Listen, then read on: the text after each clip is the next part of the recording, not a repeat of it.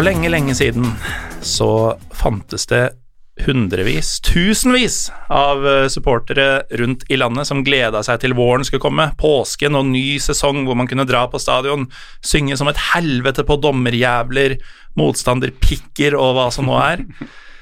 Og så kom det et virus, og så fikk ingen av disse, bortsett fra 200 utvalgte per kamp per stadion, som gjerne ikke er de samme folka som vi snakker om her lov til å utfolde seg i det hele tatt på stadion. Og hadde jeg, Morten Galesen, visst at uh, da jeg var på vinterferie i Warszawa i februar og så en litt sånn halvveis uh, ekstraklassekamp, at det skulle bli min siste fotballkamp på ja, bokstavelig talt år og dag, så hadde jeg nok tatt uh, den en smule lenger enn jeg gjorde.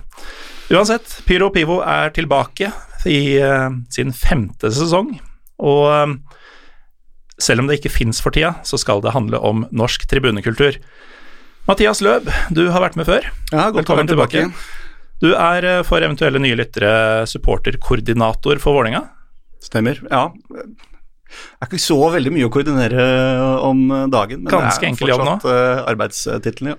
Dersom, dersom, det ikke hadde vært sånn Kina-virus, som Trump kaller det, hva, hva ville du gjort i rollen din? Ja, nei, det er jo peke litt uh, med, med, fingeren og, og fly litt uh, som mellommann når, når det trengs. og det er sånn høyt og lavt som alt annet i fotball. Noen dager så har jeg helt sinnssykt mye å gjøre. på Åråsen sist så jeg skritta inn 27 000 skritt. Andre ganger så, så er det egentlig går ting på skinner. Men det er egentlig å sørge for at alle har en god opplevelse på matchdag, før, under og, og etter eh, kamp. Det, um, rollen supporterkoordinator blir jo gjerne betegna som et slags bindeledd mellom uh, altså fotballklubben og supporterklubben. Mm. Uh, kanskje enda videre i et miljø som Vålerenga? Ja, det er klart det sørger for at eh, ting er, eh, er uh, transparent. At ting som skjer på bakrommet også kan deles med, med, med medlemmene, og, og, og, den andre veien også, ikke minst.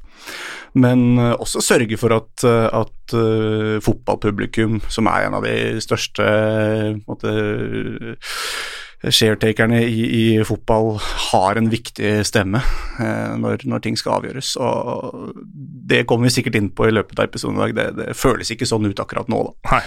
Så, så, akkurat det som er knyttet til matchdag, det, det, det er litt sånn diffus rolle, men det å, å på en måte um, løfte viktigheten til fotballsupportere i de, de, store spørsmålene, det er også en del av det å være SK. Da. Så det, det er noe av det som tenner meg i, i min rolle. Da.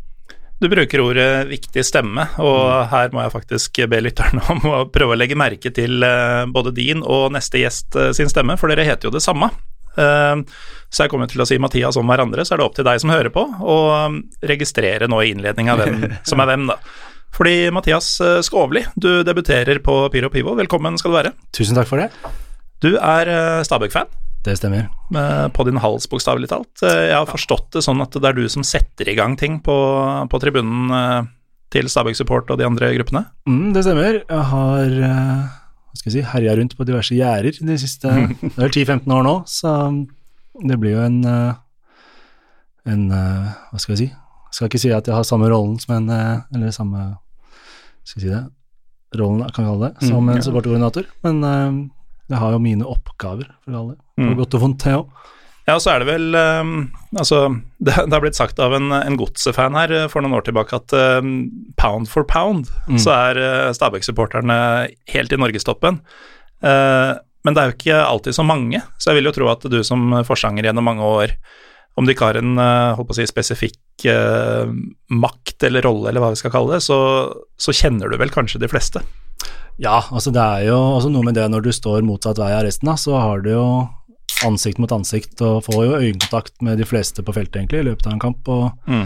Som du sier, det er jo ikke tusenvis av Stabæk-fans, selv om det hender at vi sier det. Så, er ikke det en sang? Ja, det er en sang, ikke? Men, men, eh, det har glimret med sitt fravær eh, med mange andre de siste årene. Men uh, man kjenner jo til mange, da, og mm. mye. Mm. For man, det, det finnes jo Altså, i et supportmiljø finnes det jo både Altså, du har jo valgte ledere av selve supporterklubbene og folk som har uh, faktiske verv, men det er jo veldig mye um, uformell makt også. Mm. Uh, og som forsanger så er det jo faktisk uh, du som bestemmer hva, hva skal supporterne til Stabæk mene om det som akkurat foregår nå. Ikke sant? Hvordan, hvordan er det å ha en sånn rolle? Det er Nå vil jeg på en måte Vi har en ganske flat struktur i Stabæk, da. Altså det er ikke, Nå vet ikke jeg hvordan det er andre steder, men jeg har jo sett litt mer eh, militante forsangere enn det, enn det jeg er. At det er eh, Jeg har jo fått denne rollen uh, som forsanger uh, gjennom årenes løp, på en måte. Men det er jo også flere andre som helt fint drar i gang en sang. Uh, så vi deler veldig på det, da. Og vi er jo ikke noe så veldig opptatt av sensur i Stabæk eller på våre tribuner heller. Men man har jo på en måte muligheten til å skal jeg si, overdøve da, og sette i gang noe annet og avlede oppmerksomheten. Mm. Mm. Hvordan, eh, hvordan er eh, miljøet i Stabæk eh, for tida? Altså, jeg, har inntrykk av at det er um, en god del grupperinger, uh, og har litt vanskelig for å skille dem fra hverandre. Altså, er det, er det ultras, er det casual, så er det vanlige fans som liker å gruppere seg eh, under et banner? Mm, casuals er det i hvert fall ikke. Eh, det, altså, det gikk jo noen rykter på tidlig 2000-tall eh, om det var eh, Jeg har aldri hørt om en slåsskamp med Stabæk mot noen andre som har vært arrangert. Det gikk noen rykter om at Stabæk hadde vært med å arrangere en slåsskamp mellom Brann og Vålerenga eller et eller annet sånt på tidlig 2000-tall, men uh, Det låter søkt. ja, jeg har aldri, aldri liksom hørt noe om det fra de gutta som det eventuelt skulle ha vært. Så, så slåssing eller casual aktivitet er det i hvert fall ikke. Um, men det er jo Skal ikke vi skryte på oss å være de mest beinharde gutta i klassen heller, uh, på en måte. Men uh, det er en god blanding. En god Mm. blanding av folk, men jeg tenker at en fellesnevner er jo det at det er mennesker som har lyst til å synge på tribunen, da.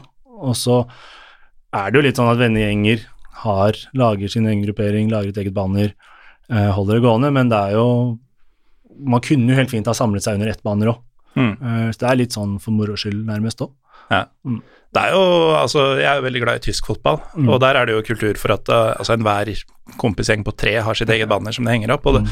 det ser jo fett ut med alskens uh, grafikk og logoer og, Ja, og navn og sånn. Vi har rett med to som Ja. står bak, med et postnummer på. Det syns jeg er fint, det. altså. Mm. Blir litt farger. Eh, kan jo også, for igjen, for eventuelle nye, nye lyttere, så er det kanskje ryddig at jeg nevner at jeg selv holder med Lillestrøm, eh, og kommer til å sikkert tale litt eh, fra det perspektivet i løpet av episoden. Men eh, eh, Mathias fra Vålinga, vi kan jo ta en liten runde på fordommer før vi setter ordentlig i gang her. Eh, hvordan ser du for deg den jevne Stabæk-supporter? Eh, uh, nå jo Uh, Skal jo sies at jeg ikke er eh, oppvokst på Oslo øst, akkurat. Uh, så jeg vokste opp blant ganske mange Stabæk-supportere. Kjenner mange Stabæk-supportere, og har faktisk vært på noen Stabæk-kamper uten at mitt Vålerenga har vært involvert. Så, så sånn sett så har jeg fått fått et greit innblikk i hva, hva det vil si å være Stabæk-supporter.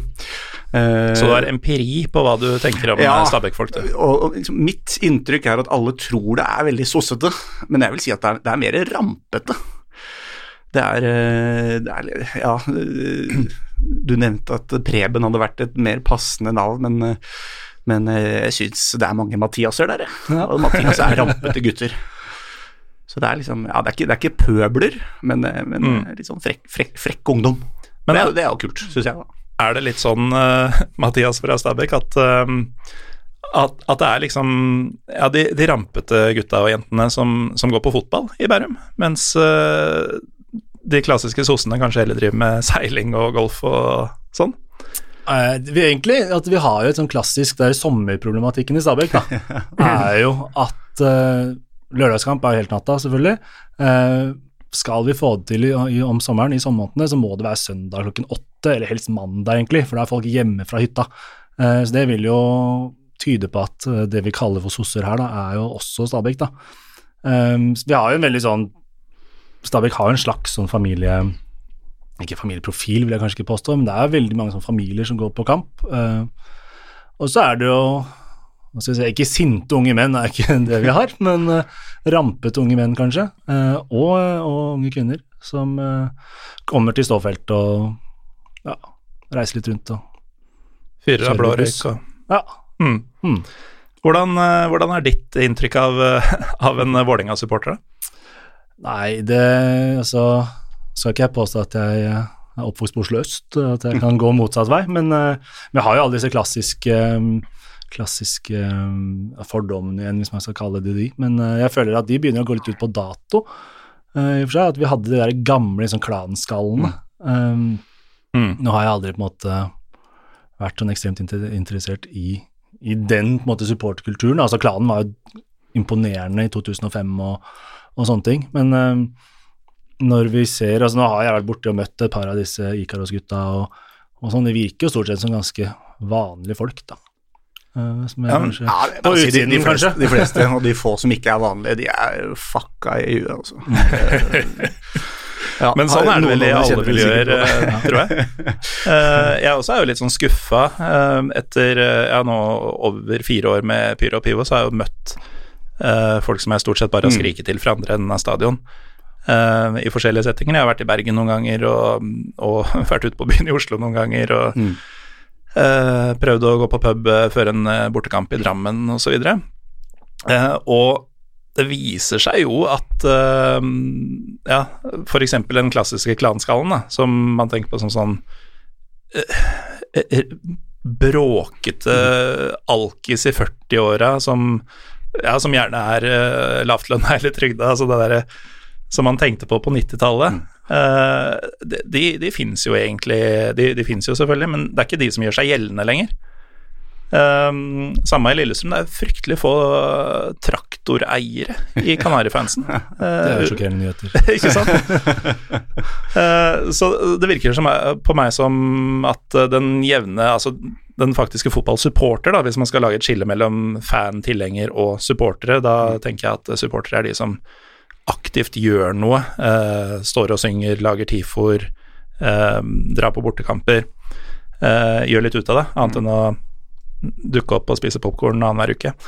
Eh, at de egentlig er ganske like. At en supporter er en supporter.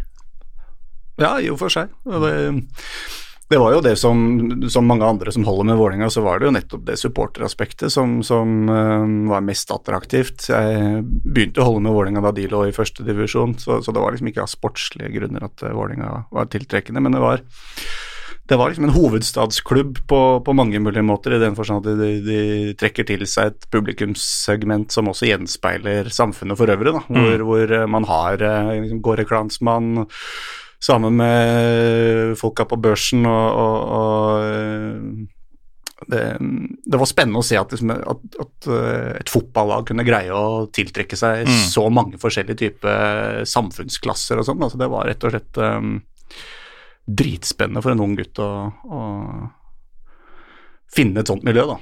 Når var det du kom inn i dette?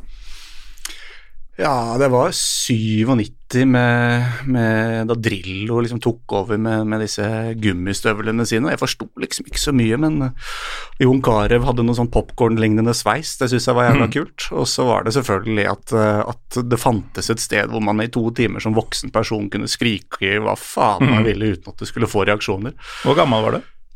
Ja, da var, da var jeg åtte år. Ja. Eh, Og anså deg selv som en voksen person. Nei, nei, nei. Men- det, men er man jeg, det er jeg fortsatt ikke. Men, liksom, men, men å finne et sånt sted hvor voksne menn kan få lov til å, Mm. å være uh, apeshit i, i to timer, det syns jeg var dritkult. Ja, for jeg var tolv da jeg begynte å gå på Åråsen, og, og det var ikke snakk om noe annet enn å stå under den gamle TV-bua, uh, der det såkalte Bøffelberget hadde stått noen år tidligere, uh, men som nå var blitt Kanarifansen, da. Og noe av det som appellerte til meg også, var at de folka rundt var jo voksne menn. Og de var jo sprøyte gærne hele gjengen. Uh, og, og, det var greit. Mm. Uh, hvordan var det Altså, når, eh, når ble du fotballsupporter, Mathias? Stabæk-Mathias. Stabæk-Mathias, ja. Uh, nei, det er jo et, et godt spørsmål. Altså, jeg har en kompis som har laget en, en um, statistikkside for Stabæk, stb.guru. Kan du gå inn og sjekke hvis du sjekker, lurer på noen Stabæk sine kamper, da, tilbake til 60-tallet. Eh, ligger der, da, og der kan du registrere kampene dine. Eh, og da blir det jo litt sånn om å gjøre å ha vært der på flest kamper og lengst tilbake, og du har banehopperne og sånne ting. Og da, Så er Groundhopper-appen, men bare for Stabæk?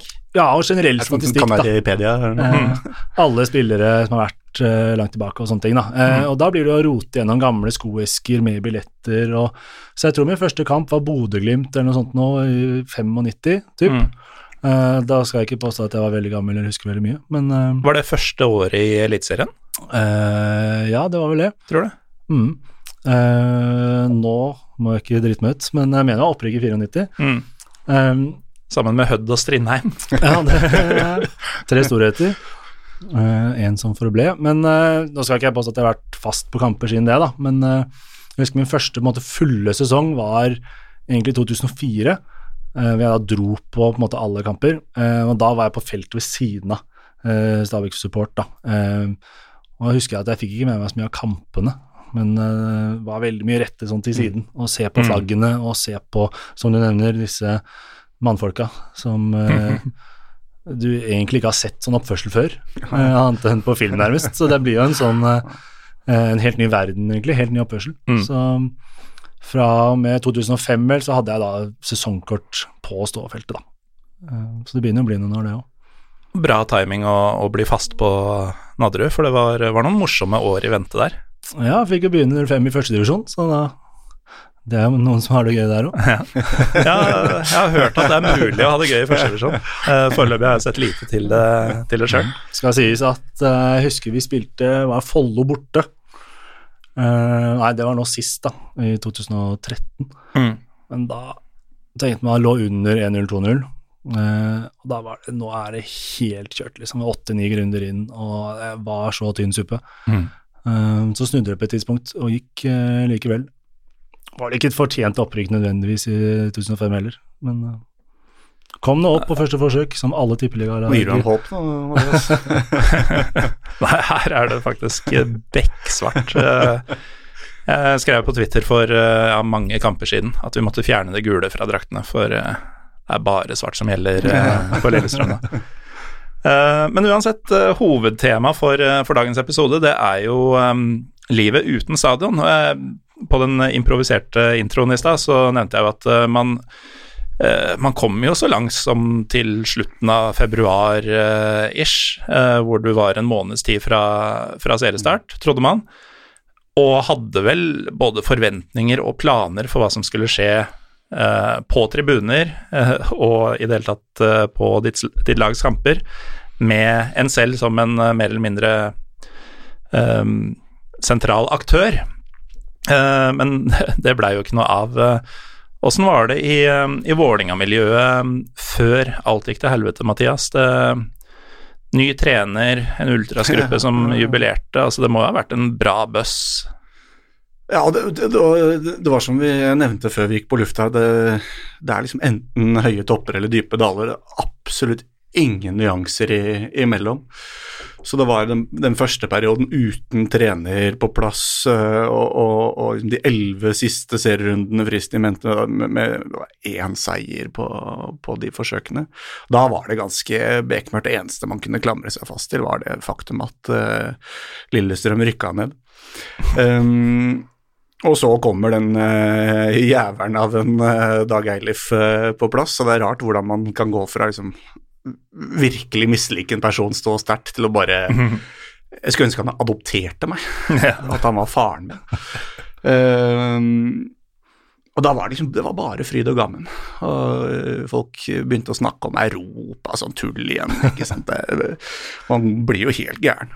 Og så, som du sier, en uh, ultrasgruppering som um, som jeg var med i helt fra starten av, uh, skulle feire ti år. Og da legger man selvfølgelig lista på sånn nordkoreansk koreografinivå, ikke sant, med fyrverkerier og femdoble snuark, og det er ikke måte på, så vet jeg at man sikkert hadde justert det ned til noe, noe annet, men, men man hadde store planer, da. Ja, vi må jo også huske på at uh, dette var jo i kjølvannet av en helt fantastisk høst i norsk supportmiljø, Ja eh, ja hvor man faktisk fikk folk til å snakke Altså klubber, eh, presse til å snakke positivt om bruk av pyroteknikk. Og den, den lå Og- ikke død i det hele tatt, den debatten uh, Ikke sant? i, i, i preseason. Så alt eller- lå jo til rette, i hvert fall hos dere. Ja, klart det. Klart det. Um, og så, så må det jo sies at uh, det faktum at Derby ikke ligger der, og, og man kan liksom mene mye om det, men det, det frigjør en del krefter, og, og, og liksom man kan endre et nytt tankesett. Da. Jeg syns det, det, er befriende med hvert fall ett år uten det oppgjøret, så, så får vi se når, når, neste blir. Men det gjør at man kan flytte fokuset litt, litt over på andre kamper. Da. Det blir mer enn ett år, det kan jeg fortelle. Ja, det kan, kan tenkes.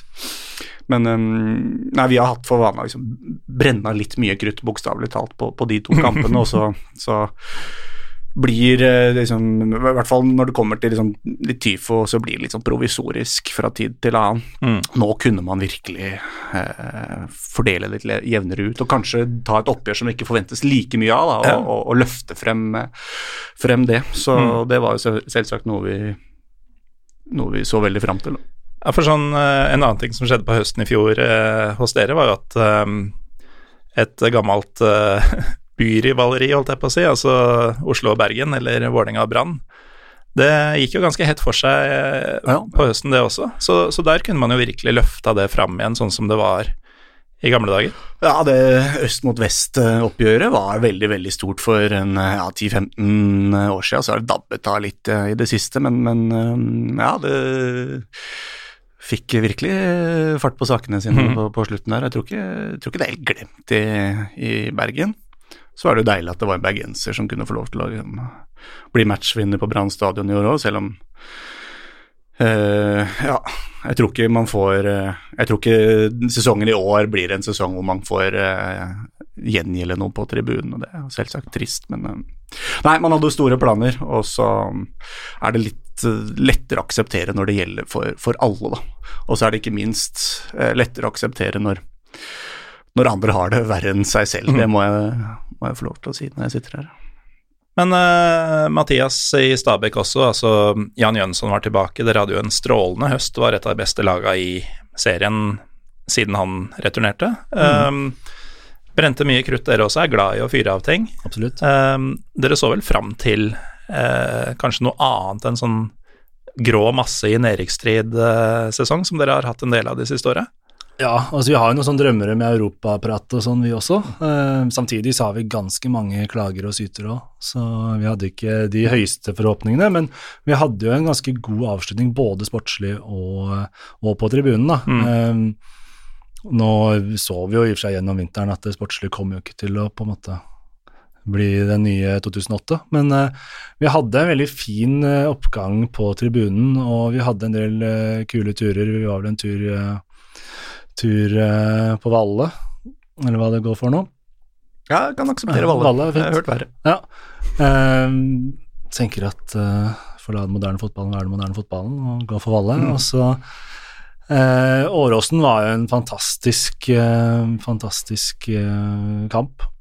Um, ja, kampen Eller kampen på tribunen, i hvert fall. Tribunekampen. Kampen var fantastisk for deres del, ja, uh, men ja, helt enig i tribunedelen. Mm. Og vi hadde vi hadde jo en liten sånn kickoff før det nærmest opp, i Ranheim av alle steder, som uh, var veldig gøy. Og det var på en måte en del baller som var litt i gang, og, mm. og uh, ikke, altså, jeg skal ikke si at vi har vært nede noen år, men vi har hatt en del bare sånn mellomår. Mm. Uh, så det var knyttet en del forventninger og forhåpninger egentlig til sesongen, da.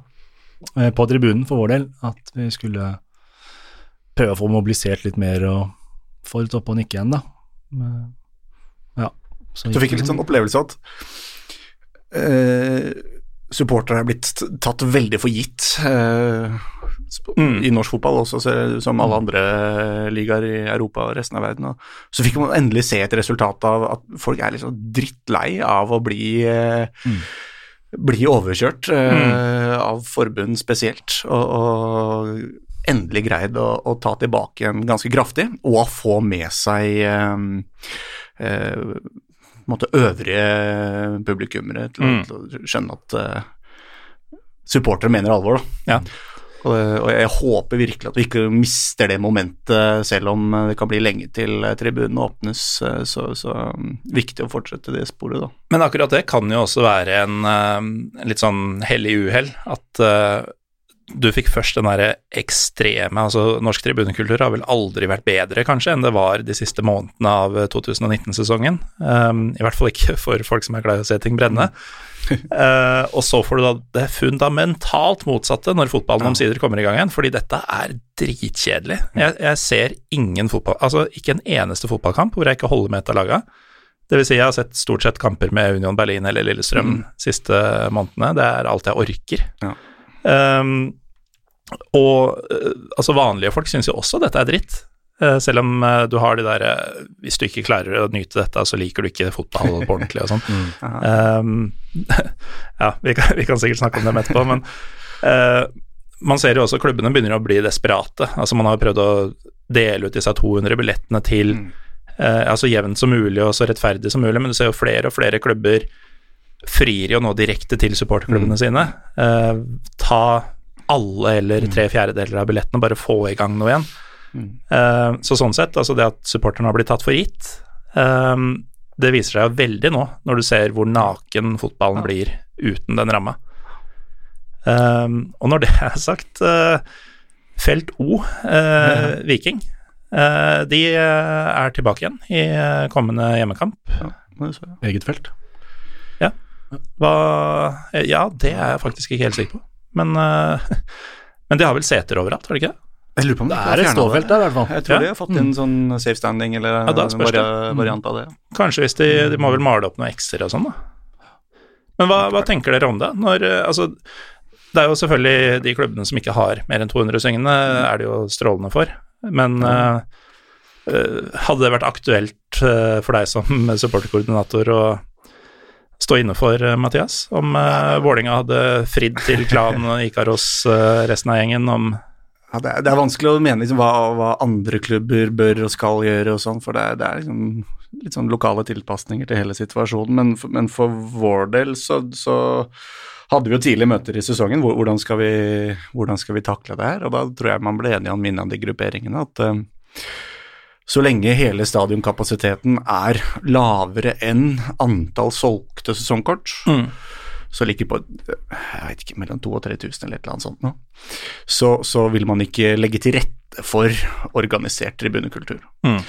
Eh, at det er åpent for supportere å dra på kamp gjennom et sånt lotteriopplegg, det er for så vidt eh, greit nok, det. Og de som ønsker å lage stemning, de skal få lov til det, men, men det blir ikke lagt til rette for det. Så jeg har veldig stor forståelse for at når folk kommer og ser laget sitt spille fotball igjen, at, at det nærmest kommer som en sånn ryggmargsrefleks, at man roper og hoier og, og Mm. synger. Det, det har jeg veldig stor forståelse for. Men eh, Viking var et av de lagene som var, virket å være mest prinsippfast på, på det alle eller ingen-prinsippet. Uh, uh, så det at de nå har gått tilbake igjen til å, å, å organisere seg Det er helt sikkert noe som har skjedd på et møterom, eller at man har Mm. blitt enige om et eller annet som ikke er kommet frem i, i omverdenen, men jeg setter jo litt spørsmålstegn ved det. Ja. Um, sånn utenfra så virker det som at ting kan ha gått dårlig, dårligere ja, dårlig, det, Alt er relativt, da, men dårligere enn forventet. at nå trenger man supporterne også. Ja, og akkurat det eh, I går, når vi spiller inn nå på en torsdag, så var jeg på et medlemsmøte på Åråsen, hvor, eh, hvor LSK også tilbød Kanarifansen minst 150 av de 200 billettene. Eh, de siste 50 er til sponsorer, de skulle prøve å få disse også, eh, til kampen mot Strømmen. Og Lillestrøm har jo heller ikke gjort det så bra som, Nei, nei, eh, som klubben skulle ønske, så det er litt sånn uh, Man legger merke til timinga hos begge disse klubbene. Ja.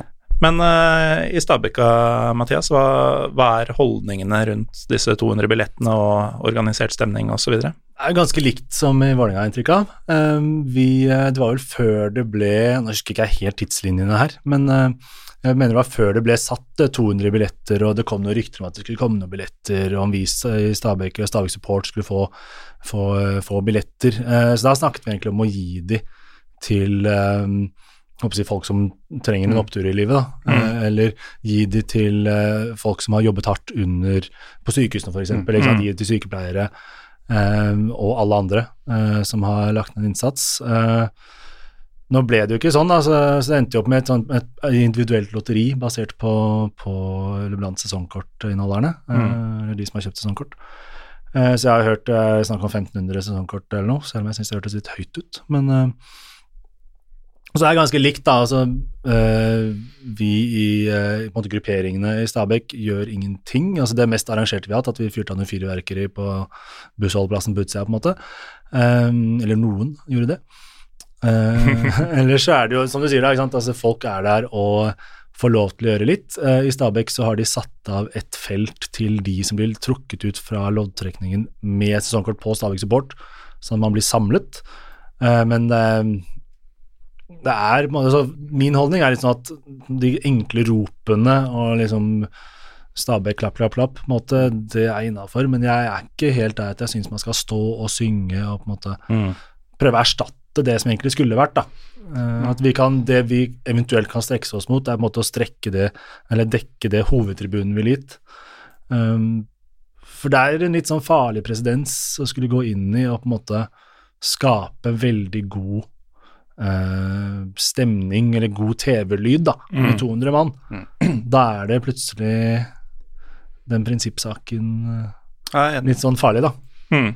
Og selv om det på en måte det, det, det er vanskelig på en måte rette noen skyldspørsmål i forhold til hvor- hvor- hvorfor det ikke er eh, supportere på, på tribunen, men når det først er en så kraftig restriksjon på, på antall publikum som det er, så mener jeg personlig at eh, det skal merkes at eh, man mangler en vesentlig del av en fotballopplevelse. Mm. At, at man det, det kan ikke erstattes. Mm. Og det er faren med disse, disse engelske sendingene spesielt, ikke sant, for du legger ja, på lyden og Ja. Jeg satt litt sånn, holdt på å si, ved et uhell og så eh, Wolverhampton mot noen i en europacup, Ja. eh, som egentlig kom på litt sånn i bakgrunnen, så tenkte jeg shit, det her var litt gøy. Eh, og så eller, var liksom nevnt, det er litt lite folk på tribunen, liksom, Uh, før du egentlig skjønner hva det egentlig er, da. Ja. Og når du først hører etter, så merker du at den stadionlyden er egentlig ikke spesielt imponerende heller. At uh, du hører en sånn fløyte litt tilfeldig, og ja. folk som buer midt på bare en vanlig pasning, og litt sånn Det er litt Litt, off, litt sånn halvsekundslag på jubel Mm. med scoring og Men er du ikke inne i supportkultur, da? Er du ikke inne i på en måte fotball som Mm. kultur, at det er fotball som underholdning, fotball som idrett, så er det, tror jeg, det er lett for å la seg lure, på en måte. Jeg Og i har- hvert fall hvis du er vant til å se fotball på TV, og da gjerne europeisk toppfotball på TV, da, at du ikke har det nære forholdet til det uh, på samme måte. At uh, ja, klart den lyden skal være der, men, men det er det det er, på en måte. Det er, det er en del av bildet, som Ja. du ser. Og den kommer fra et sted. Du, du kan ikke bare trykke på en knapp, og så kommer den lyden av seg sjøl. Den, den eh, Man skal respektere den, den lydkilden, altså. Og jeg er faktisk jeg er livredd for eh, for hva, hva man kan tillate seg å, å gjøre med fotballen når supporteren ikke er der og, og er mm. eh, ja, til stede med, med, med, med alt det det hører med. Kan jo røpe Um, som eh, såpass at eh, neste episode vil handle om nettopp eh, det her. Eh, men det er jo bare fint med en eh, oppvarming, for eh, flere trenger å høre hvor skadelig det faktisk kan være. Altså, Det er ikke et uskyldig sånn vi prøver å gjøre det beste ut av en dårlig situasjon-greie. dette, dette er starten på noe uopprettelig skade. Og det er ikke første gang man har hatt skal kalle det uorganisk stadionlyd. da. Mm. Altså det er Nå har man jo hørt litt rykter og sånn i Norge og sånn, jeg skal ikke gå inn på det, men at i England f.eks. og de store ligaene at du er på kamp, og så hører du på en måte supporterlyden i høyttalerne bak deg. ikke sant? Så var det Manchester City som hadde digitale bannere ja, på stadion Ja. her, og liksom Det er plutselig ganske mye de egentlig ikke trenger på en måte 2000 mann til, da. Mm. Eh, at, eh, og da er det jo Ta Manchester City som et eksempel. da, altså De, de har jo noe litt sånn gående bak mål ved siden av bortesporterne der, noen som har noen banner og prøver å dra i gang litt, da.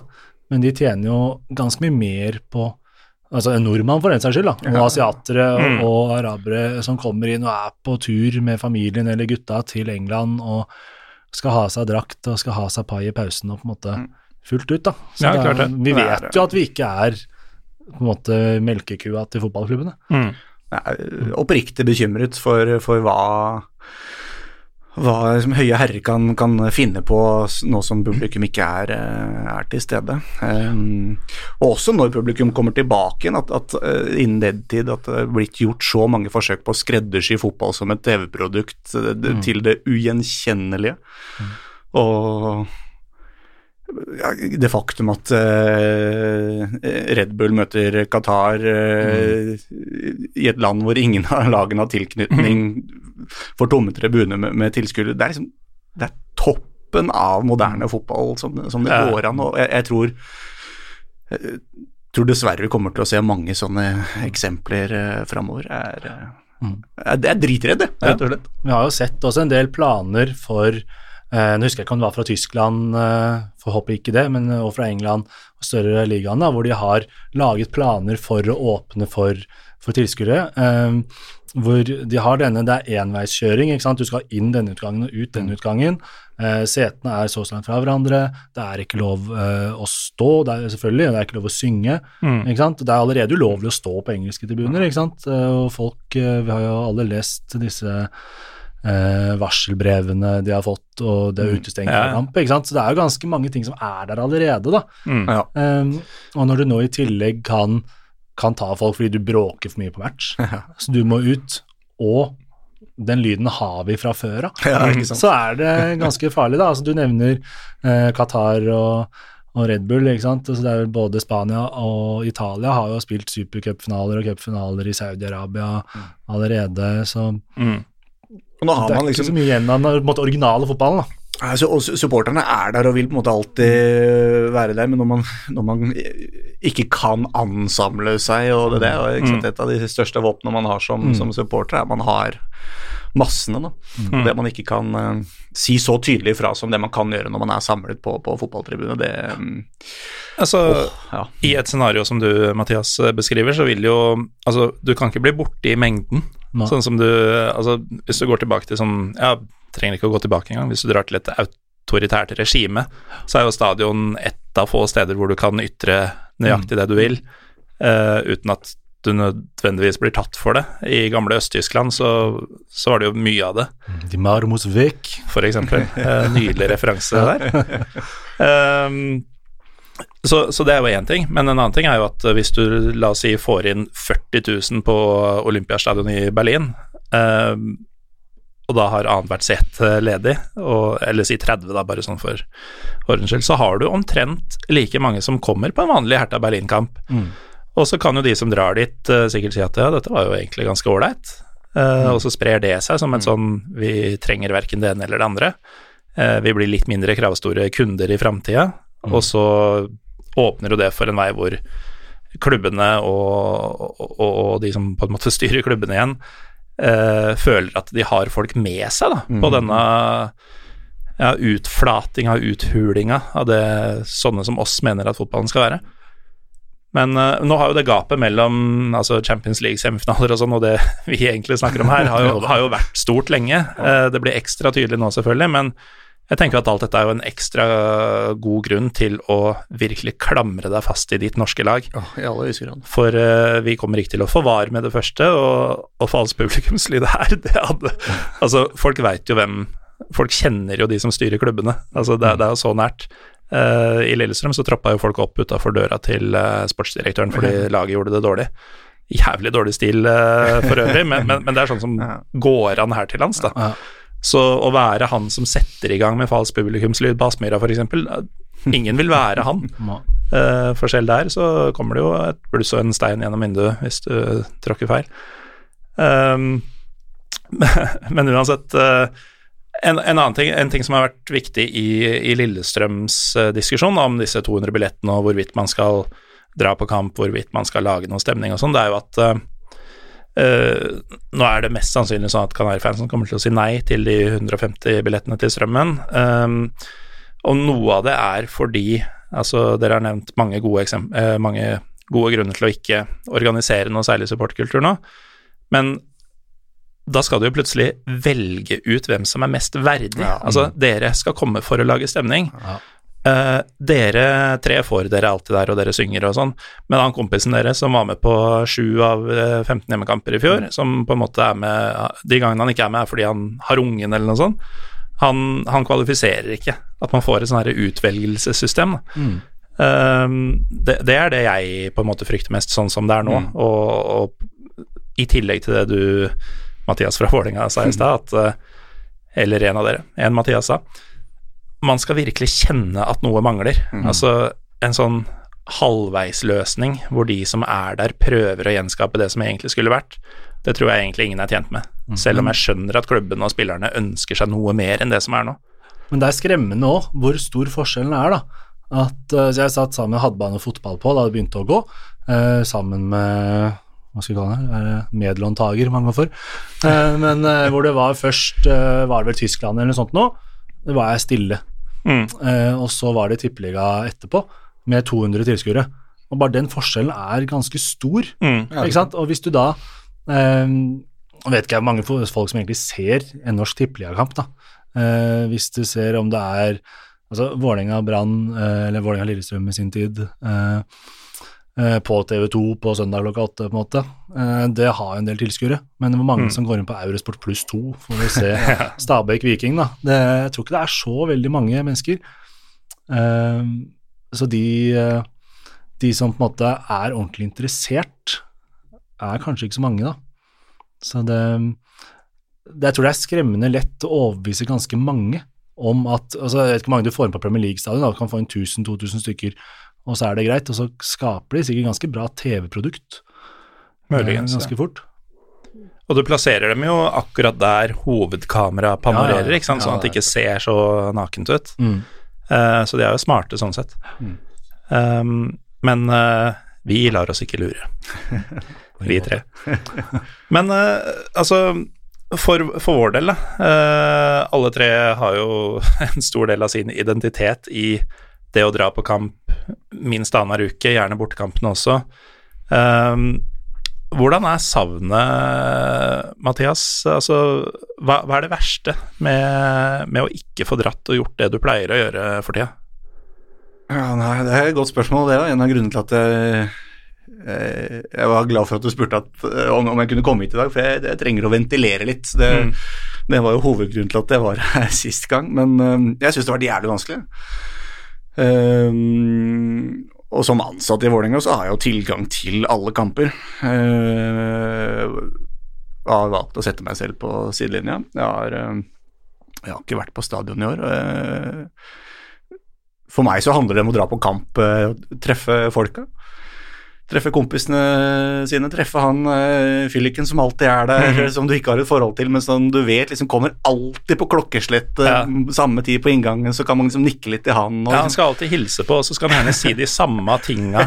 Sånn, han har alltid en kommentar om uh, siste kamp og en kommentar om laguttaket, og så går han videre til plassen sin. Ja, og når- du da i tillegg går akkreditert, så, så skal, er det alltid noe jeg kan gjøre med de problemene han Mm. har, både Vålerenga-relatert og, og, og personlig. Ja. Og så, så det er, de, det er de, de kampdagsrutinene savner jeg noe så inn Mm. i helvete. Eh, og det, og uh, jeg ser jo litt kamper på TV, men, men det er eh, jeg syns det, det er tungt, altså. Det er Mm. jævlig tøft. Um, bare liksom lukt og lyd av, av, av uh, kamp, altså. Jeg savner det sinnssykt. Og, og eh, jeg lider jo sånn sett ingen stor nød, uh, rent personlig, men jeg vet at andre tilknyttet Vålerenga syns det der er drittøft. Eh, sikkert mange som, som nyter det å treffe folk på pub og, og, og så videre, men, men eh, ja, det er tungt, altså. Mm. Tyngre enn jeg hadde trodd, faktisk. Ja, jeg jeg merka jo det, jeg var jo som nevnt på et eh, medlemsmøte i, um, i Lillestrøm i går, og da, da slo det meg at for, for jeg har virkelig bare vært en eremitt. Jeg har ikke prøvd å dra på pub for å treffe folk og se kamper sammen der og sånn, jeg har bare sittet hjemme. Uh, og ikke klart å ventilere, selv om jeg, det blir jo litt skriking til TV-en og sånn, men det blir ikke det samme. Um, og da slo det meg at uh, disse folka har jeg ikke sett på ja, siden desember. Altså De andre som var der, er jo folk som jeg er vant til å se mange ganger hver måned. Um, og, og gjøre ganske spesifikke ting sammen med, da. gjerne noe drikking og noe smugling og, og, og sånne ting. Og bare sånn de, de var nesten som fremmede. Mm. Altså, selv om det ikke Det har jo ikke gått så lang tid. Det blir sånn klein klassereunion. Ja, ja det, var helt, eh, helt weird, altså. Jeg visste ikke sånn Ikke kan du hilse ordentlig på dem heller. Ja, ja. Så det er sånn eh, Han ene liksom skulle lene seg inn for å fortelle noe, jeg tråk, tok to steg tilbake fordi det er det man gjør for tida, og det, det er jo helt skada. Altså, man blir jo sosialt uh, ja man, man trenger en, eh, en arbeidsremse, liksom, for Ja. å bli en vanlig sosialt fungerende person igjen. Um, for deg, Andre Mathias, ja, det. hva, Eh, hva jeg er kjenner igjen i veldig mye av det samme, da.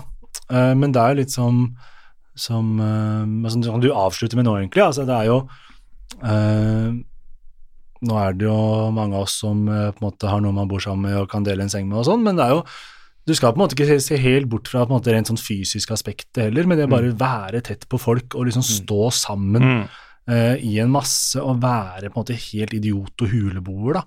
Um, og du, altså, du, du trenger på en måte ikke tenke sjæl engang, du får bare meningene dine inn uh, fra på en måte vibrasjonene rundt deg, nærmest, ikke sant? Mm. som er en helt sånn spesiell greie. Altså, det er på en måte en ting jeg nærmest har, har brukt de siste 15 årene for å prøve å fortelle folk. da, faen er du driver og drar opp til Trondheim med buss for å se at du taper mot Rosenborg? Eh, slår vi stort sett Rosenborg eh, i Trondheim, men, eh, men eh, vi har vært, jeg har vært i Viking noen år. Vi hadde jo et veldig godt resultat. Vi hadde vel tredje uavgjorten på 15 kamper. Eh, resten er tap i Stavanger, eh, men jeg har jo vært der et par ganger, og du bare vet at du taper. Mm. Eh, men så er du der med gutta og, og på en måte Fryktelig lang den bussturen tilbake fra Rogaland, altså. Ja, men så er vi i Stabæk er ganske gode på å ha en sånn en liten time med sånn faen, altså, han dommeren var så ræva, og alle på laget er drittdårlig. Uh, Mm. Og så tar det seg gjerne opp igjen, da. Altså, det, jeg vet ikke hvordan det er med dere, men vi har jo noen sånne på en måte motivatorer, da, ja. i bussen og sånn. Mm. som, på Apropos uformell makt i supportermiljøene. som tar litt ansvar da, for at gutta ikke sover og sånn. Eh, om det er eventyrstunder eller om diktning og Folk har jo forskjellige talenter, på en måte, uh, som man trekker frem, så bussturen hjem kommer til å gå greit. Men her sitter jeg da og savner å kjøre Vet ikke hvor mange timer det går an å bruke hjem fra Rogaland, liksom. Men Vi, eh, eh, det er ganske god stemning. Jeg husker vi kjørte oss vill på vei til Sogndal en gang. Men Bussjåføren kjørte feil og satt fast og kom ikke opp bakken. Og bare Hva skulle jeg gitt for å liksom sitte fast med sommerdekk på isen opp der, liksom? Ja, det Det er noe vanskelig å forklare utenforstående det, det, det, Det akkurat ikke smart savnet det der, men, men jeg, du beskriver det godt, altså. Og det, det jeg liker ekstra godt med det, er det er mange folk i, i fotballmiljøet som er, er liksom totalt uenig når det kommer til andre aspekter ved, ved livet, om det er liksom politikk eller religion eller, eller mm. mat og kultur. Eller. Vi er på totalt ytterpunkter, men Ja. vi er enige om én ting, og det er at det fotballaget vi holder med, det er det, det er verdens beste fotballag. og, og, og det båndet der er så vanvittig sterkt. Det er så sterkt at man kan finne på å sette seg på den bussen til Rogaland og vite at man kommer til å gå på et uh, braktap, for så å reise tilbake igjen. Og det, Og man veit at girkassa går til helvete på Ja, ja, ene så det som skulle ta ti timer, det tar 14. de Vi sto i Molde. Det her er helt ikke irrelevant til noe i samtalen, i og for seg, men du skulle hjem fra Molde. Sikkert ikke vunnet. Eh, og så er det sånn, faen, nå er det et eller annet gærent i motoren. Åpne motoren, der står en planke inne. Så bare, ok, det er en planke i motoren. Det er ikke rart det ikke går. Han sa nei, den skal være der, men det er drivreima som er ødelagt. Eh, så jeg hadde kjørt opp til Molde med en motor som hadde en planke inni for å holde den på plass. Eh, så sitter du der to timer og drikker pils før du får dratt fra Molde en gang. Eh, det, Men det Trevirke inni en varm motor full av bensin, det tror jeg er en god idé. Altså. det er veldig billig buss, i hvert fall. Så det er en fordel. da. det, jeg det jeg syns det var relevant, det. Ja, det er Fordi- litt relevant, er det faktisk. Eh, Ja, men det var det er- fint vær. men du nevner jo også eh, eller jeg i hvert fall nevner på en måte det på en måte rent sånn sportslige, at det er gøy å være sammen. Eh, Men det går på selve livet òg, at mm. livet får en sånn, det mister en dimensjon. da. Ja. Eh, For min del så er livet mitt på en måte, det er hjemmeliv, og så er det jobbliv, på en måte, og så har du Nå har jeg andre venner enn på en måte med Stabæk, men jeg har ikke den typen venner, da. Mm. Du, du nevner ventilering, og du, du, du mister en helt sånn ved tilværelsen. Ja. Eh, Ja, men det med ventilering, det er jo et, Mm. det er virkelig et stikkord her, da. Fordi eh, nå sitter jo folk og hører på oss tre, Mm. eh, som eh, sannsynligvis etter 48 minutter og et par pils, eh, så tror jeg folk opplever oss som relativt sånn oppegående taleføre karer. Og så prater vi om å være fullstendig bavian, ikke sant? Og, Ja, det er et godt poeng, det. Og, og det er nettopp det. Og jeg, eh, jeg begynte å date ei dame i sommer eh, som ikke på noen måte skjønner eh, dette her, da. Så prøvde jeg å forklare det, altså til en som ikke har noe som helst holdepunkt om dette her, at det, jo, men det, det, det er bra sånn psykisk avspenning eller terapi, eller Og jeg brukte også at man trenger jo å ventilere. Og så ble jeg litt skeptisk til det, da, fordi uh, hvorfor trenger du å ventilere? Og jeg bare sånn umiddelbart Gjør ikke alle det? Altså, selvfølgelig trenger du det. Grunnen til at jeg ikke slåss med folk på byen og sånn, er jo fordi jeg står og får ut all vrede på Åråsen, stort sett mot egne spillere de siste 10-12 åra. Uh, og så er jeg liksom helt sånn fin og rolig resten av uka. Jeg tror det er, det er viktig iboende behov man har som menneske, å liksom komme litt i kontakt med, med det primitive genet som, som ligger der og, og ulmer. Og så er det jo digg å kunne finne en arena hvor det faktisk er helt legitimt å gjøre det. Da. Det er- Mm. Og det er litt sånn Det er nettopp det som evighetsmaskin trakk nesten, oss dit uh, ja. som barn. Det er en sånn evighetsmaskin hvor du kan på en måte Du, du kan også ventilere uten egentlig å ha noe å ventilere for. Så er det bare energien, den er der da, uansett. Mm. eh, Jeg er også veldig tydelig på det å skille, skille på en måte det fotballivet mitt fra, fra, fra jobbliv, da, men eh, når man har vært aktiv såpass lenge, så, så hender det at man at det, de, de to eh, krysser veier fra tid til annen. Jeg eh, jobber som lærer, da, og jeg husker det kom en elev eh, bort til meg og smilte og lo litt, og, jeg skjønte at han, ja. nå, nå har han funnet noe grums, da. Så, så sier han 'jeg vet hva du driver med'. Ja, faen, hva kan det være han har funnet ut av? Nå tenker jeg tenker det verste. 'Jeg vet hva du driver med', sier han. Eh, så drar han opp en sånn Det var fra et sånn TV 2-klipp av noe sånn uh, Harmet Sings første kamp eh, mot Vålerenga igjen, hvor han spiller for Molde, ikke sant. Og så står jeg oppå et gjerde i baris og roper 'solg deg som en hore', og det er liksom det er kanskje det, det- Av alle kontroversielle ting jeg har gjort, er det kanskje det, det minst ille, da. Men, men når, når kiden kommer frem og har det på video på TV2 fra nyhetssendinga, så blir det litt sånn Du veit at han har vist foreldra det òg. Ja, ja, ja, ja, ja 100 og alle andre kompiser han, han har. Mm. Så Gammel var han uh, da? sånn 14 Ja, akkurat det verste. verste. Jeg, Spørsmålet er om han tar det som inspirasjon eller avskriking. da. Om man tenker at det her er fett. Han har faktisk havna på tribunen i ettertid, så jeg vet ikke om det var eh, et litt sånn dårlig rekrutteringsforsøk fra min side, eller hva det var for noe, men eh, Ja, det var tydeligvis ikke noe forsøk, det bare var noe som skjedde. Men uh, jeg jobber jo også som lærer eh, og har opplevd noe lignende, men da fra en elev som ikke var min. Ja. eh, som bare på en måte kjente meg igjen i gangen x antall ganger, og plutselig en dag så stoppa han meg og bare Du er jo på Lillestrøm, ikke sant? og han også var sånn 14-15 år på den tiden. Og eh, jeg bare Ja, åssen visste du det? Nei, han gjorde også det, da. eh, Og hadde jo sett, uh, sett meg oppå forsangerstolen. Jeg, jeg har jo ingenting der å gjøre, men jeg hadde tydeligvis vært der. du, trenger, Uh, du trenger litt eh, høyde når du Ja, ikke sant. på kamp. Uh, søndag før og hadde tydeligvis holdt en sånn Braveheart-tale av noe slag. Eller ikke visstnok. Ja.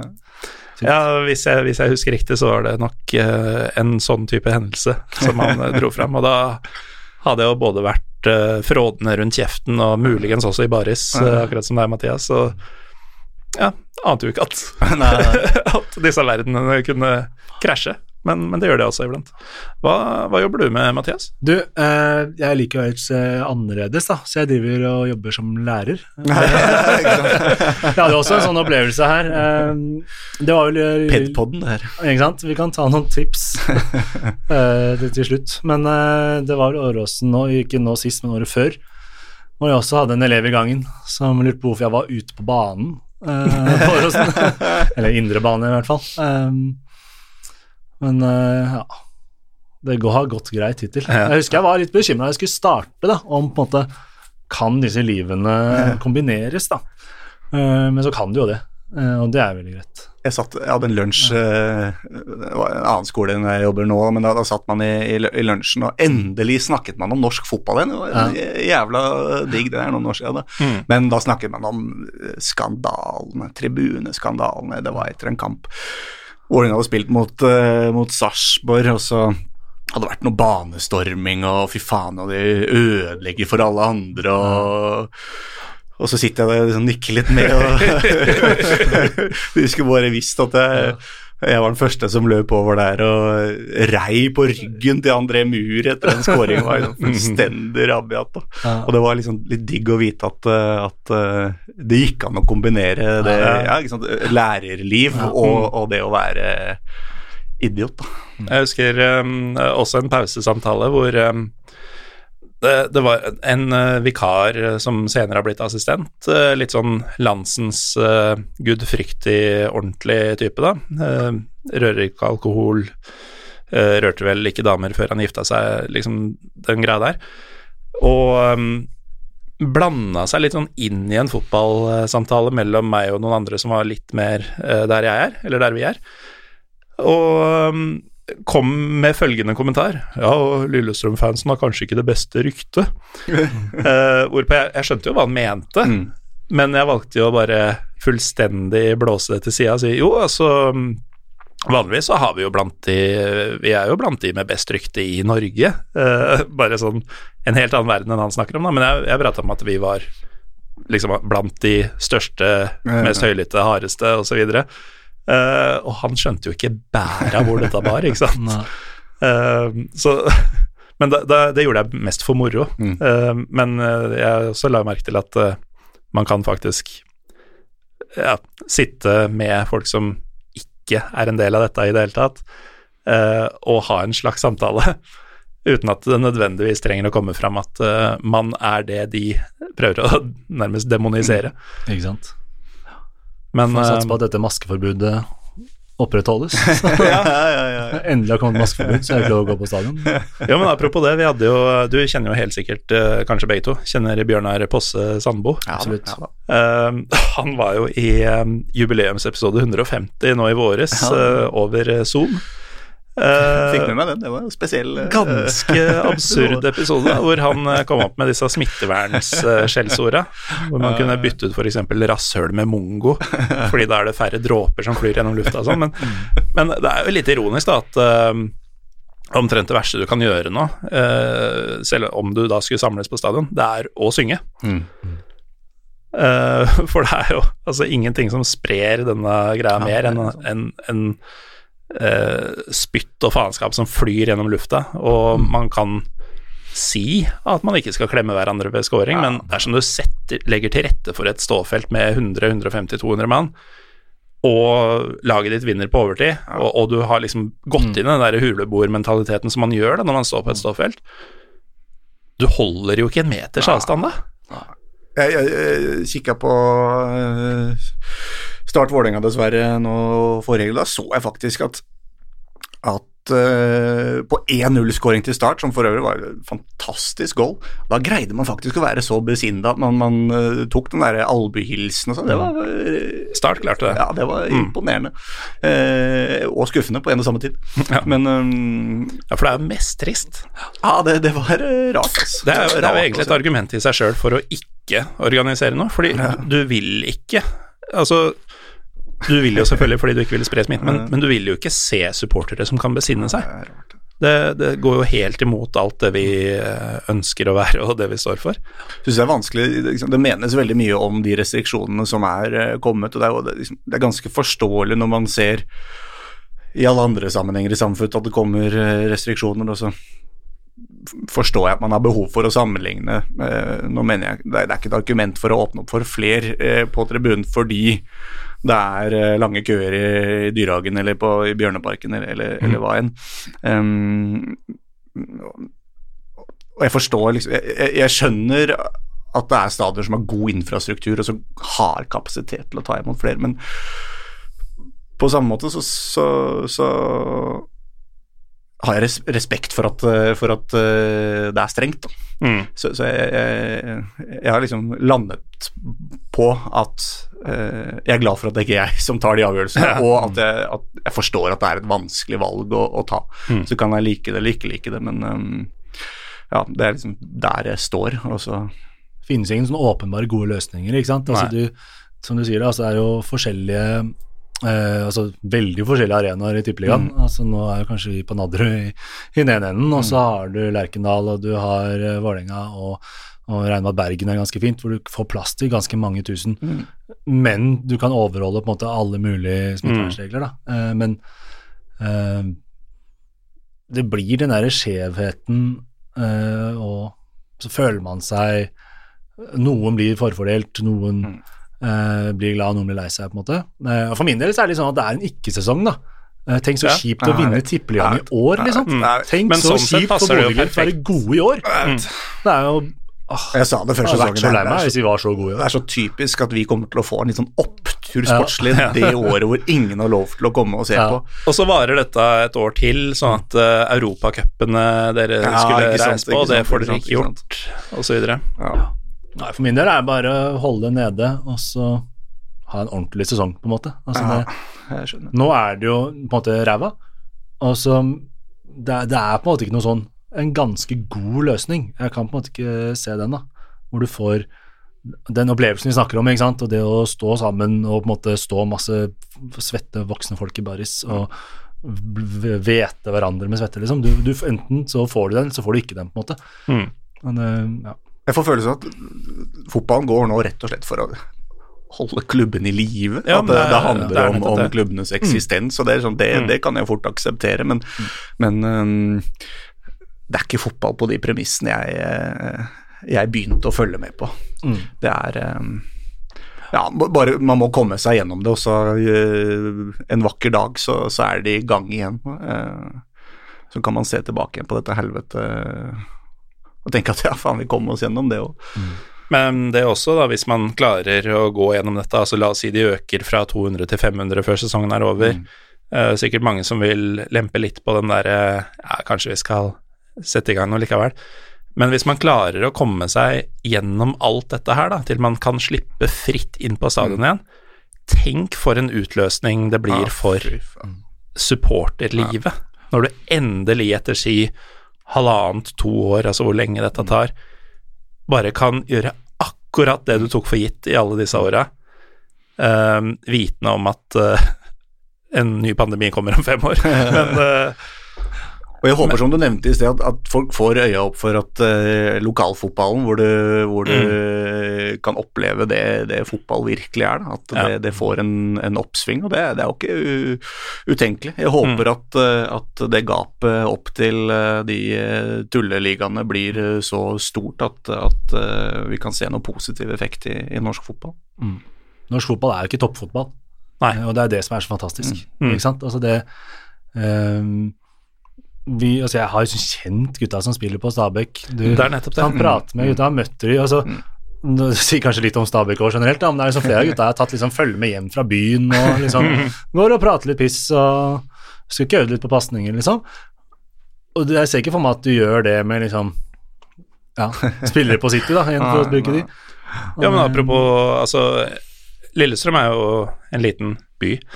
Eh, og, så, og så videre. En ting er at jeg liksom kjenner en del av spillerne litt eh, der, men øh, norsk fotball i en nøtteskala. Jeg hadde jo Morten Skjønsberg her for et par år siden, og øh, om det var i fjor eller når det var, så traff jeg tilfeldigvis han på en pub i Oslo. Altså en Stabæk-legende og en tilfeldig Lillestrøm-supporter, og bare ja, alle kjenner hverandre. Slår seg ned og, og drikker seg dritings og prater piss resten av kvelden. Um, det, det kan ikke skje i, i Manchester, i München, i Torino, i eh, Barcelona. Altså, du kan ikke treffe en, eh, en toppfotball, toppfotballspiller eh, og være på bølgelengde. Og det er rart at, man, at, man, at man har et sånn syn på, på fotballen som vi har, og må forsvare det. For meg er det liksom så opplagt at, at det, er, det er sånn fotball var, var liksom skapt for. da. Mm. Og så er det folk som sitter på kontraskjæret og ser eh, to bedrifter som reklamerer for andre produkter i et land de ikke har noe tilknytning til, og, og syns det er fett. Det er, ja, det, jeg syns kanskje det er like sjukt som det de syns det er sjukt at jeg ser på norsk fotball. Jeg veit ikke. Mm, skal ikke se bort fra at det går litt som begge veier. Nei, det, det gjør jo det. Uh, jeg er jo litt sånn Jeg har jo en fot i hver leir. Jeg har jo et og annet favorittlag i utlandet. Um, så så jeg, jeg skjønner jo disse folka litt også, men det er ingenting som gir deg Altså den fulle Holdt på å si hva heter det for noe? Eh, experience. Mm. Opplevelsen. eh, som det å følge ditt, ja, helst lokale, men ditt norske lag, da. Fordi det, du forstår så mye mer av klubbens kultur, av byens kultur. eh, du kan treffe faktiske supportere hele tiden. Du er en selv. Eh, du, du kan bli kjent med spillerne, folk som jobber i klubben. Og ikke minst, du, du kan dra og oppleve dette regelmessig, i stedet for sånn én og to turer til ja, Berlin for min del, da.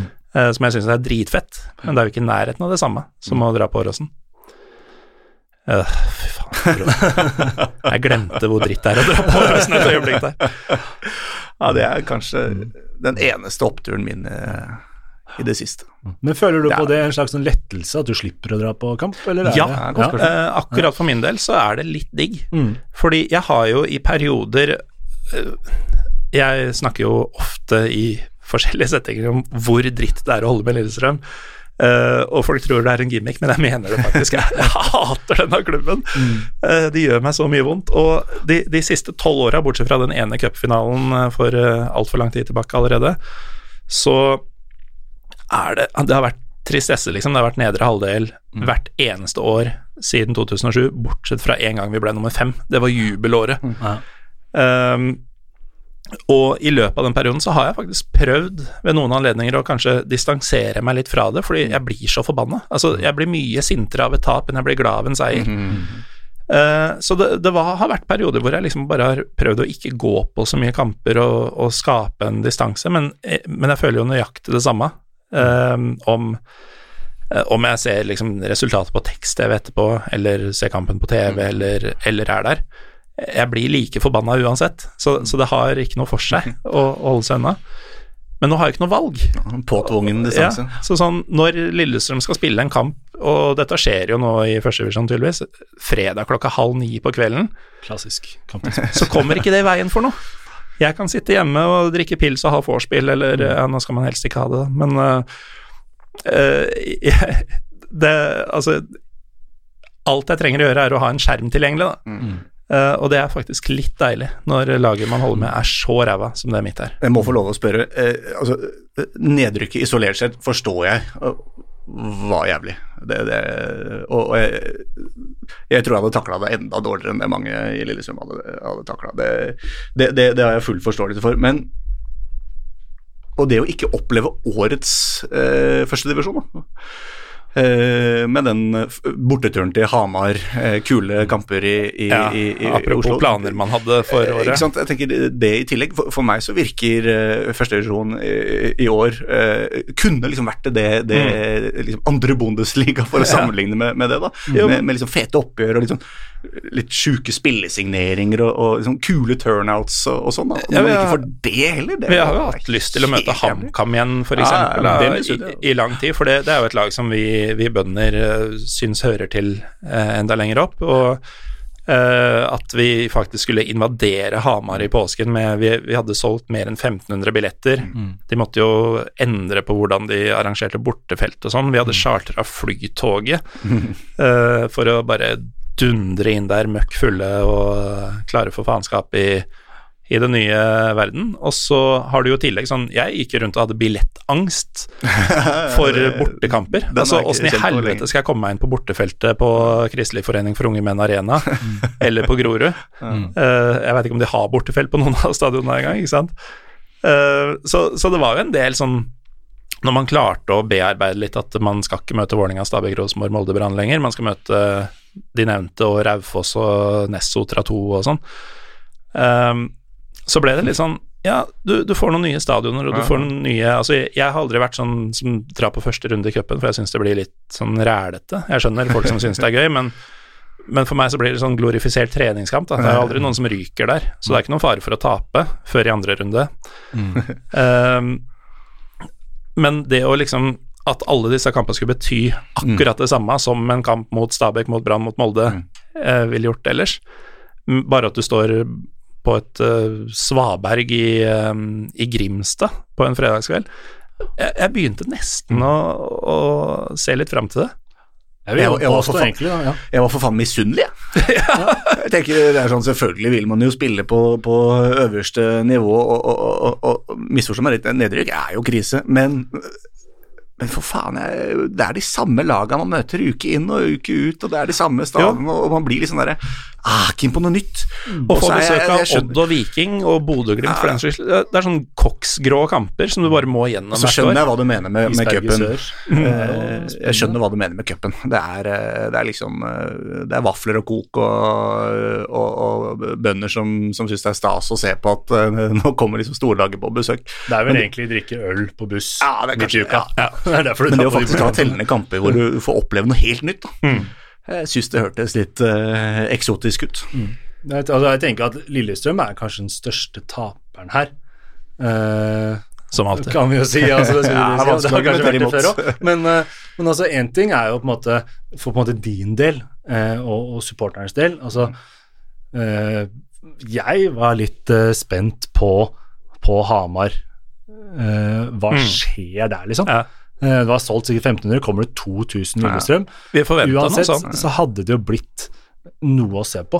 Ja. Eh, og Og jo Hamar har jo et litt sånn latent miljø, de også. Hamar, altså, ja, når, de. når de veit at det kommer 2000, så klarer de å dra opp Ja, ja. noen hundre, i hvert fall. Kanskje det hadde HamKam trengt òg, ikke sant. Altså, Mm. du nevner bøndene på Lillestrøm, vi har de andre bøndene, men altså, HamKam er en av de klassiske lagene du er keen på å ha der, for Ja. min del i hvert fall. Ikke sant? Men uh, nok om det. Eh, men altså, jeg, eh, når du snakker om uh, førstedivisjon her, altså, du, du er ganske mange kule turer. Mm. Mye kule nye lag. Altså, en av mine gode minner med Stabæk er Elverum borte i 2013. Eh, velta noen gjerder og var liksom gutta på tur, og det var god stemning. Eh, og så er det jo eh, du, Jeg hørte jo forleden at du snakket med Johan Mankwa. Ja. Jeg snakket om dette med det mentale i fotball, ikke sant. Mm. Eh, og nå har ikke Lillestrøm vært helt sånn mentalt på topp, virker det som, i starten. Nei, og det morsomme er at vi hadde jo trengt en sånn litt sånn trøkkete sjefsstopper eh, på den tida han kom tilbake til Norge. Ja, Så hadde vi henta han i stedet for Jonas Dam, så kanskje mm. vi hadde vært i Ikke sant? Det er Motsatt, en eh, seg, men også da om, om da dette Lillestrøm-laget, som jeg skal, jeg skal ikke påstå at jeg vet noe om de spillerne der, men eh, hadde jo fått da, altså Det blir jo et sånn reisende sirkus. ikke sant? Der kommer Lillestrøm med et eller annet fra 200 til 2000 mann rundt om i Norge, Mm. eh, som, eh, som Grorud syns det er fett å spille mot Lillestrøm, eh, på en måte, men de syns det er kult å spille mot Lillestrøm uansett. da. Hvis Mm. Lillestrøm kommer med 500 000-600 000 mann, så er det plutselig gøy og kanskje litt skummelt òg. Ja. At du, du får den her psykiske påvirkningen. Da. Nå vet ikke jeg hvordan Lillestrøm ligger, er jeg 8.-9.-plass, eller De, de ringte meg faktisk fra Grorud og lurte på hva man kan forvente av den kampen, så måtte jeg minne dem på at dårlig fotball hjemmeseier? Nei, Hvis det ringer en kar fra Grå, jeg vet ikke, sikkert både materialforvalter og spillende kaptein, eller hva faen. Mhm. Men, men han spør hva, hva kan man forvente av, av kampen i helga. Du veit jo du ringer Vålerenga nå, liksom. Mhm. Så jeg, jo, men det er der Lillestrøm kommer på besøk. Så jeg, og dette er jo til og med i koronatid. Ja. ikke sant? Ja, hvor, hvor mye folk kommer det fra, fra Vålerenga, hva tror du kommer fra Lillestrøm? Så jeg, men, Hæ?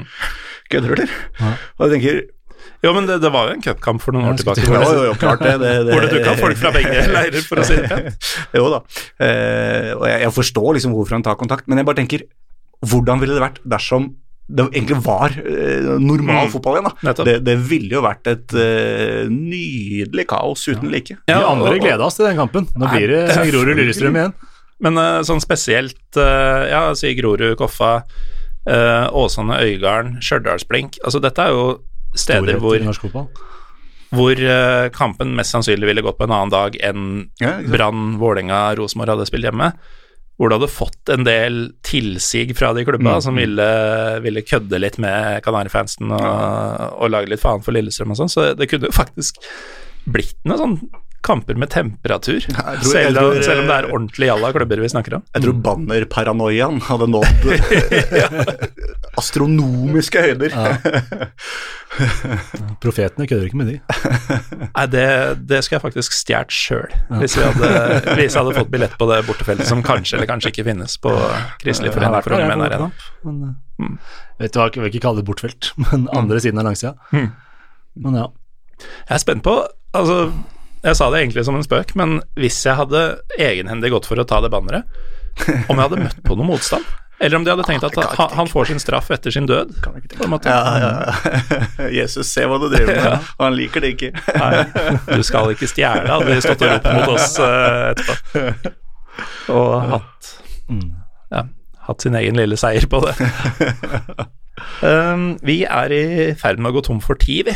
Men um, Stabæk, Mathias, Mhm. når du kommer inn på stadion igjen, Hva gjør du først? Hva gjør jeg først? Um, Eller, eller hva må du gjøre? jeg er ikke noe sånn enormt som vanemenneske, ass, men det er vel opp på det her gjerdet, da, få dratt i gang litt sanger og Mm. liksom synge med vennene mine, på en måte. Det har jeg skikkelig lyst til. Og det kommer du til å huske åssen man gjør. Det tror jeg jeg skal få til. Mm. Uh, vi har holdt på noen år, det, jeg tror det sitter såpass i ryggraden, ass. Muskelminne. Muskelminne er der, så det går noen armer i hytte og pinne, og Apropos, har dere megafon? Nei. Nei, fordi jeg har vikariert uh, ved to eller tre anledninger på bortekamp uh, med den. Mm. Og uh, ene gangen ble det Det var bortekamp på Lerkendal i cupen, så det ble ekstraomganger. Så var jo drøye to timer med det grepet her, som selvfølgelig ikke lytterne ser. Pistolgrepet. mm. Men jeg hadde en klo etterpå, liksom. Det, jeg måtte dra ut megafonen med andre hånda, Mm. og klarte ikke å bevege fingra før godt uh, nede i Hedmark et sted på hjemmeveien.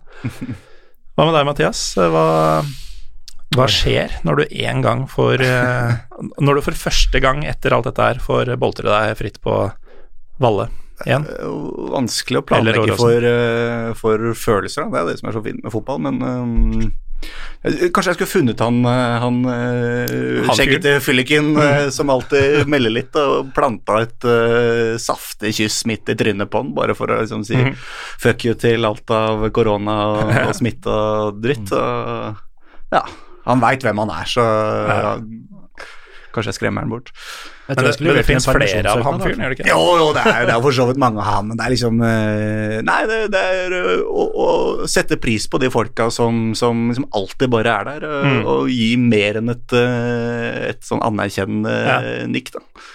Ja, spørs om jeg kysser den, men det, Ja. Nei, men jeg er litt enig her at det, det blir liksom noe Et eller annet som viser at alt det jeg tok for gitt tidligere, Mm. det, det skal jeg nå sette pris på. Mm. Selv om uh, mye av det jeg tok for gitt, var jo folk som irriterer. Men, men jeg merker nå at jeg, jeg savner den irritasjonen også. Mm. Altså, jeg, jeg savner alt ved dette her. Det er, Ja, men eh, faen. Dette er amatørmessig. ja, sorry. Men det er jo et helt aspekt ved livet som er borte, og det Mm. er uh... Altså, vi, vi har jo, som sikkert dere andre har òg, altså vi har jo på en måte, vår gjeng har jo våre på en måte fora hvor vi diskuterer eh, og har egentlig på en måte en generell samtale gående, da.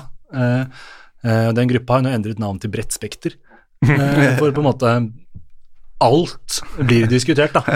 Og det, nå har vi ikke på en måte vært enspora på fotball før heller, men nå er det virkelig alt går, og alt blir på en måte en stor opphetet diskusjon, da. Eh, om det er en eller annen fyr som skal ha nye lister, så er det liksom Da er det full fyr, ikke sant? Og Var det ikke Posse som meldte det? Ultras-Norge, hvor man diskuterer matoppskrifter og diverse. det, altså, kjøret går, da. Ikke sant? Det kommer et par meldinger i løpet av en arbeidsdag, på en måte. Og det, Uh, vi har jo til og med kommet dit at vi har sittet og på en måte hentet opp logger fra gamle dager. Sånn, da vi var i Skien i 2012, og overnatting og syv familier som flytta ut fra hotellet, og løvblåseren der, og liksom så Det er jo helt tydelig at det er noe som mangler her da, i livene til eh, i hvert fall meg og mine venner. Det er sikkert mange som har det fint, men eh, ganske tydelig tegn på at Mm. ting ikke er som det skal være, da, er um, en melding jeg fikk fra Olum, hvis jeg Du fikk melding fra Olum. har tid. Det er Jeg- ingenting er mer pyro pivo sesongstart enn en melding fra Olum, men, men dette er da lyden lytterne hørte i bakgrunnen, da, fordi du hadde glemt å skru av lyden på telefonen din. ja, Så, var, eh, så Olum er på lufta. han- visste jo at jeg skulle hit i dag, da, og, og, jeg spurte om det var noe jeg, eh, jeg skulle ta opp på hans vegne, og det er det. Ja, Og det er det. faktisk så skremmende som at uh, det er god lyd og god teknikk, og ikke minst uh, velartikulert podkast for tiden. Og da, da tenker jeg når det er skryt å få fra Olum, da, da er det noe alvorlig gærent i verden, altså. Ja, det, det, det likte jeg rett og slett ikke å høre. Nei, jeg er helt enig. Jeg er litt bekymra. Det er nå vi merker at det er unntakstilstand. Ja. Men uh, ja, det er jo for så vidt et hyggelig innspill. Det er bare det er ikke hyggelig når det kommer fra han. Fordi eh, ja, han, han det, er, det er jo ikke sånn han holder på. Nei, og jeg tenker uh, Han har det ikke bra. Når han skriver noe sånt, så er, da, har, da har han det ikke bra. Ass. Nei, men det, det er ingen av oss som har det for tida. Uh, men folk sier at det kommer til å bli bra igjen, at det kommer til å bli bedre i det minste. Så vi får ta deres ord på det. Uansett, eh, takk til eh, begge dere, Mathiaser, Løb og Skovli, for at dere kunne komme innom her. Og vi sitter med god avstand, bare så alle vet det. Og har ikke skriket og spytta altfor mye. er Men. Uansett, eh, takk for at dere kunne være med. Hyggelig å være her, igjen. håper vi å kunne hate hverandre på tribunen før heller enn etter, eller i hvert fall dere to. Jeg trenger noen år på å komme opp igjen. Hater til Eh, TV-skjermen, vi da. Takk eh, også til dere som hører på. Fotballen er kanskje ikke tilbake sånn som den skal, men det er Pyro og Pivo. Neste uke skal vi, som vi dryppa litt om tidligere, snakke om falsk tribunelyd, som er verre enn covid-19 selv. Takk for nå.